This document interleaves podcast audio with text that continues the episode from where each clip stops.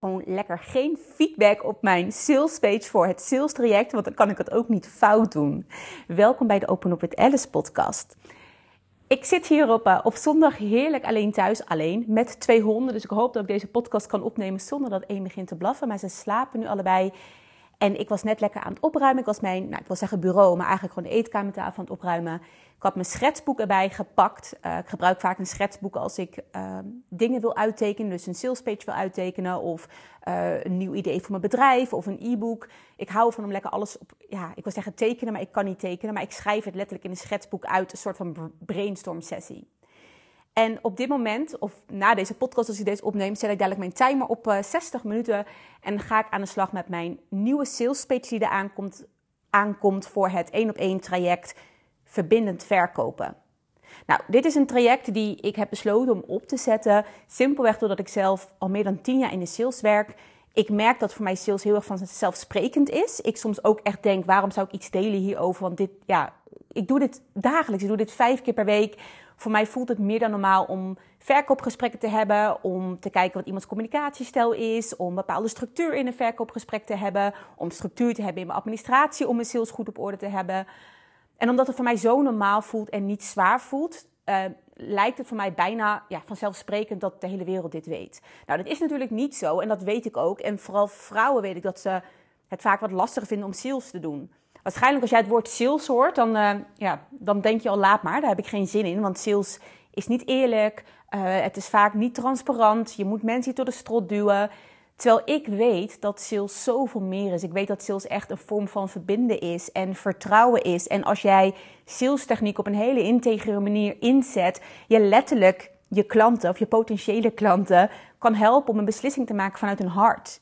Dat is in mijn ogen sales. Hè. Sales zorgt er altijd voor dat iemand een keuze heeft om iets bij jou te kopen of niet. En hoe mooi is het dat jij met jouw technieken, met, met de mindset, met de psychologie vanuit sales snapt hoe jij iemand kan helpen om een beslissing te maken. Anyway, waar het eigenlijk echt om gaat in deze podcast, is dus dat ik een hele mooie sales page aan het laten schrijven ben door een tekstschrijver. Ik doe dat niet zelf.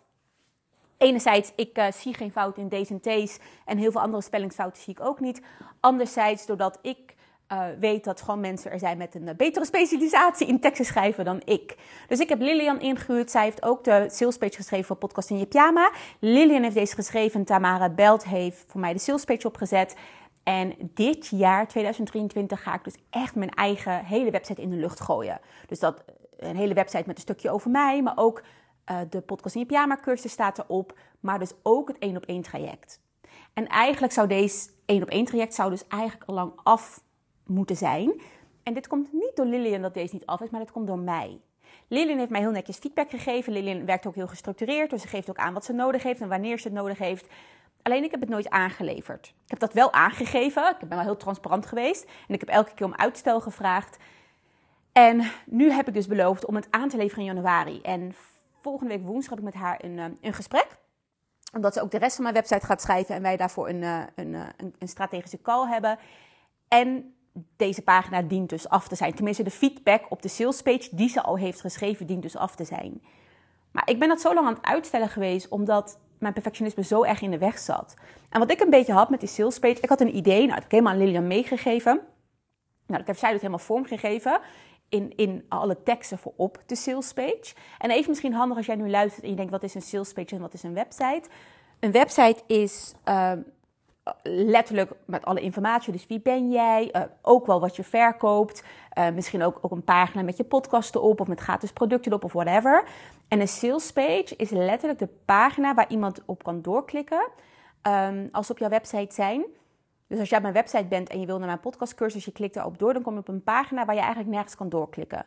Als je op die pagina bent, zie je alleen maar informatie over mijn podcastcursus of dadelijk over het sales traject. En het enige wat je daar kan doen is op knoppen drukken om hem te kopen. Um, daar staat geen knop op naar social media of nog ergens anders heen, want je wil als een, een potentiële kant op jouw salespage is dat ze niet worden afgeleid. Dus dat is je salespage. Um. Deze heeft Lillian dus voor mij geschreven. En ik heb nu echt al een paar keer deze op mijn to-do-lijst gehad. En een paar keer ben ik een soort van, soort van aan begonnen. Ik denk dat ik tien minuten elke keer aan zat. En dat ik dan stopte. omdat ik me dan ging vergelijken met de markt. Dus ik heb tuurlijk doe je marktonderzoek en dat raad ik iedereen aan. Of je nou je podcast start of je sales laat schrijven of een bedrijf start. Weet wie, ik wil zeggen eigenlijk je concurrenten zijn, maar ik geloof niet in concurrentie. Want er zijn zoveel mensen in Nederland, er zijn zoveel coaches in Nederland. Um, er is voor iedereen is er, zijn er gewoon genoeg klanten. Dus je mag ook heel erg jezelf zijn. Dus eh, onderzoek doen, hè, wat is er al, is alleen maar heel slim. Ook omdat ik gewoon geloof, je hoeft het wiel niet een tweede keer uit te vinden. Soms zie je iets staan en denk je, oh ja, dat is precies wat ik bedoel. Nou, dan pak je dat van die pagina af, je gooit je eigen jude overheen. Of ik zeg dan tegen Lilian wat ik een beetje wil en zij maakt het. Alleen, toen ik dat marktonderzoek aan het doen was, ging ik te veel erin blijven hangen. Ik ging ook steeds meer pagina's opzoeken. Ik ging zelf, uh, ik kijk ook altijd in Amerika, maar ook wel in Nederland. Um, en ik bleef best wel hangen, omdat ik dacht, ja, maar zij doen het beter, zij doen het anders. Oh, maar zij hebben meer ervaring. Of maar zij... En omdat ik zo bleef hangen, lukt het me maar niet om feedback te geven. Het enige wat ik letterlijk qua feedback heb opgeschreven voor Lilian is de titel. Ik zou eigenlijk de titel zou lanceren kan je leren heten. Nou, dat woord lanceren kun je leren trouwens, want kan je leren is al bezet. Anyway, alleen ik voelde dat het één op één traject niet lanceren kun je leren moet heten, want het één op één traject is veel meer dan lanceren. Kijk, lanceren kan je leren. Dat is misschien trouwens wel leuk om te vertellen. Daar ga ik een online cursus over maken. En ik hoop ook dit jaar nog. Ik geloof heel erg, lanceren is een gedeelte van je verkoopproces. Dus een lanceer, uh, lanceerweek, hè, dat kan je inzetten voor een online product. Dat kan je inzetten voor een dienst. Um, nou, als je iets verkoopt. En letterlijk kan je ook een product die je al langer hebt, kan je opnieuw lanceren. Ik lanceer letterlijk, ik heb nu mijn podcastcursus voor de tweede keer gelanceerd. Dat is dus geen nieuwe cursus, dat is dezelfde cursus. Alleen ik heb zes tot acht weken dat ik opnieuw keihard aan het promoten ben. Dat heet eigenlijk lanceren. Dus stel als jij een één op één traject hebt, en je zegt, joh, in, in, in maart heb ik, weer, uh, heb ik weer plekken voor drie deelnemers. Dan ga je waarschijnlijk in januari ga je al weer lanceren om te vertellen dat je dus drie plekken vrij hebt in maart. Dat is lanceren. En lanceren is mega interessant, maar ik heb zoiets van, ja, lanceren kan je leren. Kan ik ook letterlijk een online cursus van maken. Uh, want dat kunnen mensen ook gewoon online volgen en hun hele, eigen plan opstellen aan de hand dat ik ze meeneem. Ik geloof trouwens wel, omdat ook met lanceren heb je echt wel een verkoopmindset nodig en mag je verliefd worden op sales. Dus in zo'n lanceren kan je leren. Online cursus zou ik altijd persoonlijke begeleiding aanbieden. Want ik geloof wel dat dat er echt bij nodig is. Maar een één op één traject, toen dacht ik, ja, maar ik ga toch niet iemand alleen maar helpen met, met de lancering. Met letterlijk hoe vaak post je, uh, wat moet je online zetten, de psychologie die je moet weten met wat je post, nou ja, et cetera, et cetera. Ik dacht, dat gaat dieper. Dus op een gegeven moment, daar heb ik echt best wel lang over gedaan, ben ik op de naam gekomen verbindend verkopen. En dat voelde voor mij goed. Ik zat nog te twijfelen met energetisch verkopen, verbindend verkopen. Energetisch voelt, voelt voor mij te zweverig. Al weet ik wel dat mijn doelgroep waarschijnlijk goed gaat op dat woord. Kijk, en dit is dus al lastig, hè? want hier merk je dus al dat als ik aan het nadenken ben, dat ik denk van oké, maar wat past bij mij? Wat past bij mijn doelgroep? En eigenlijk moet je natuurlijk altijd op je doelgroep inspelen, want dat is het slimste, dat is hoe je het beste sales kan doen. Alleen ik geloof dat als ik dicht bij mezelf blijf, dat ik ook klanten aantrek die daarbij passen. Dus ja, sommige mensen zullen misschien afhaken omdat ze verbindend verkopen zien en ze een allergie hebben voor het verkopen. Terwijl ze energetisch verkopen staat, dat ze denken, oh ja, dat, dat, die voel ik wel. Maar voor mij voelt dat op dit moment niet helemaal juist. En het kan zijn dat ik misschien over vier maanden of over een jaar opeens zeg: hé, hey, de titel mag veranderd worden. Dat kan, hè? daar mag je in groeien.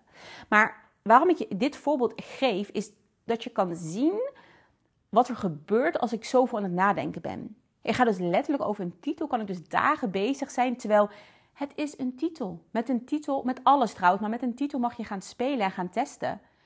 Ik bedoel, gooi die pagina nou maar gewoon de lucht in. Dan merk ik het vanzelf. En als niemand zich aanmeldt, kan ik altijd zeggen: het, het heet energetisch verkopen.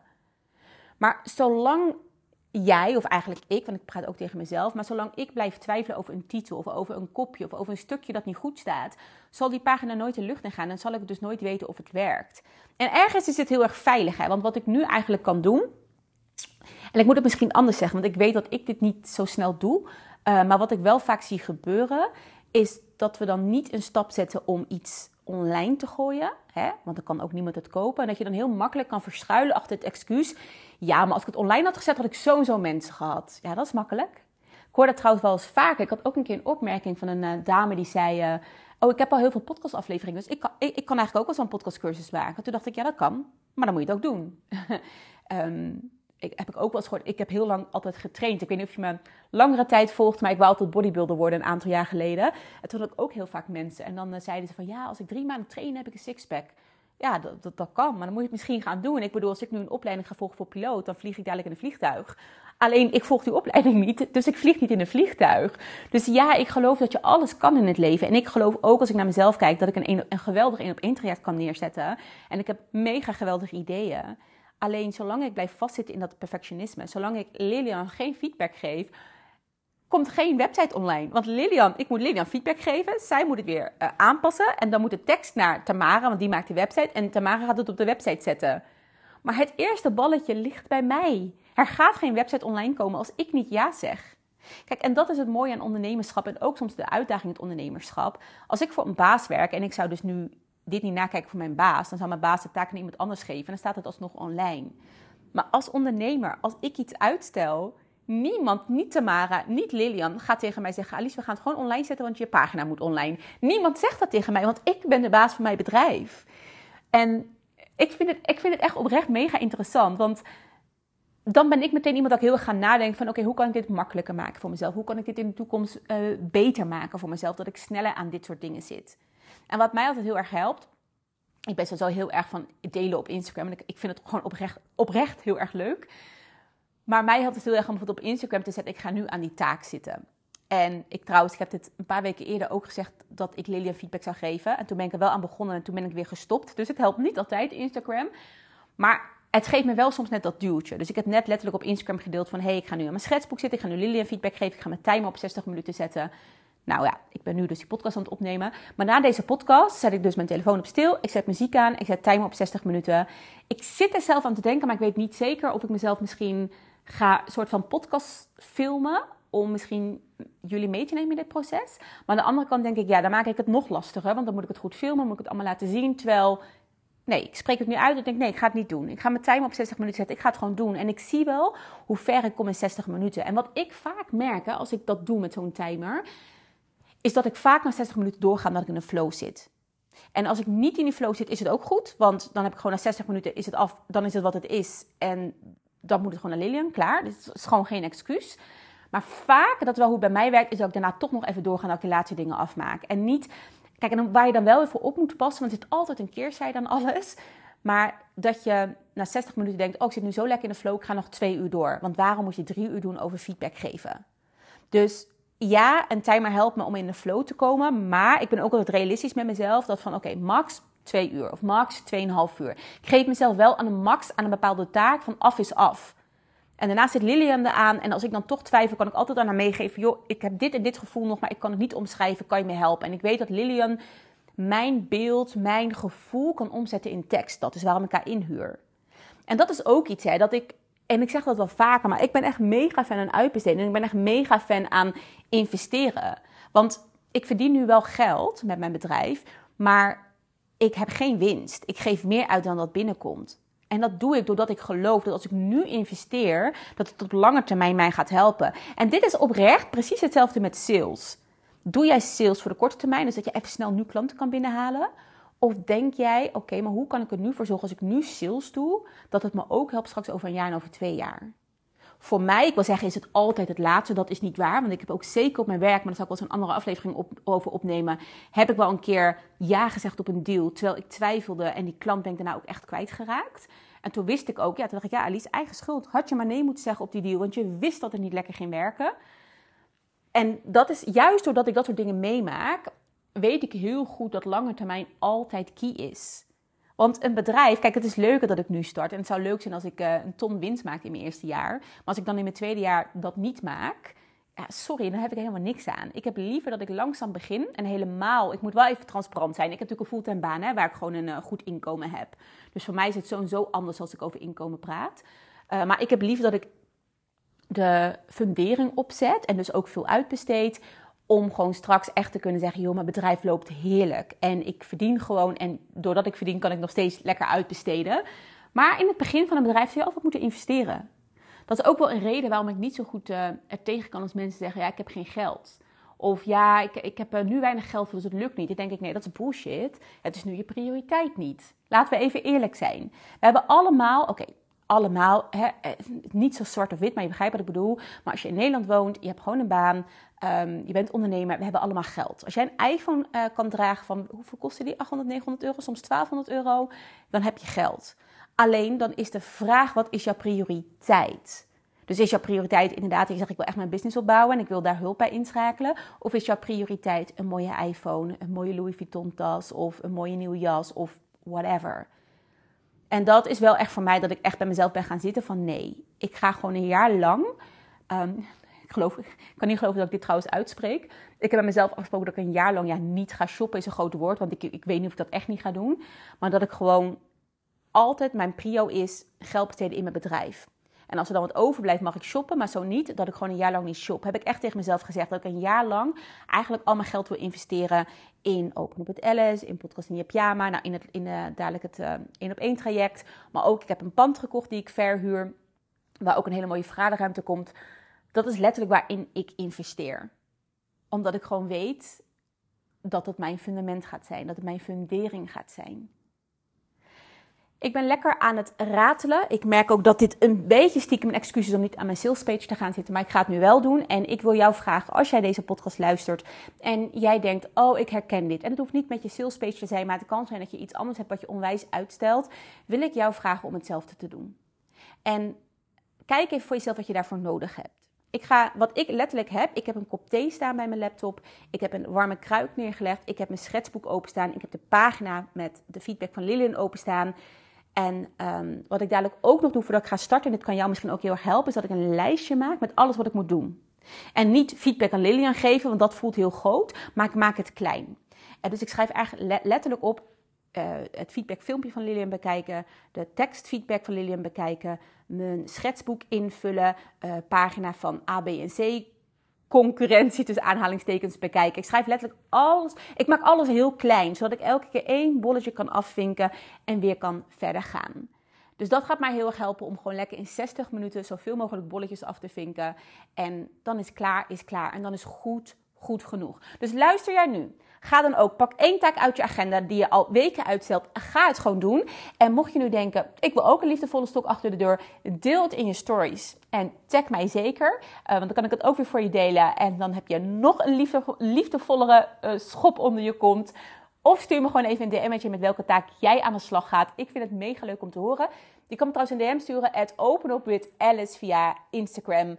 Um, ja, en dankjewel, uh, dankjewel voor het luisteren. En nu ga ik echt aan de slag.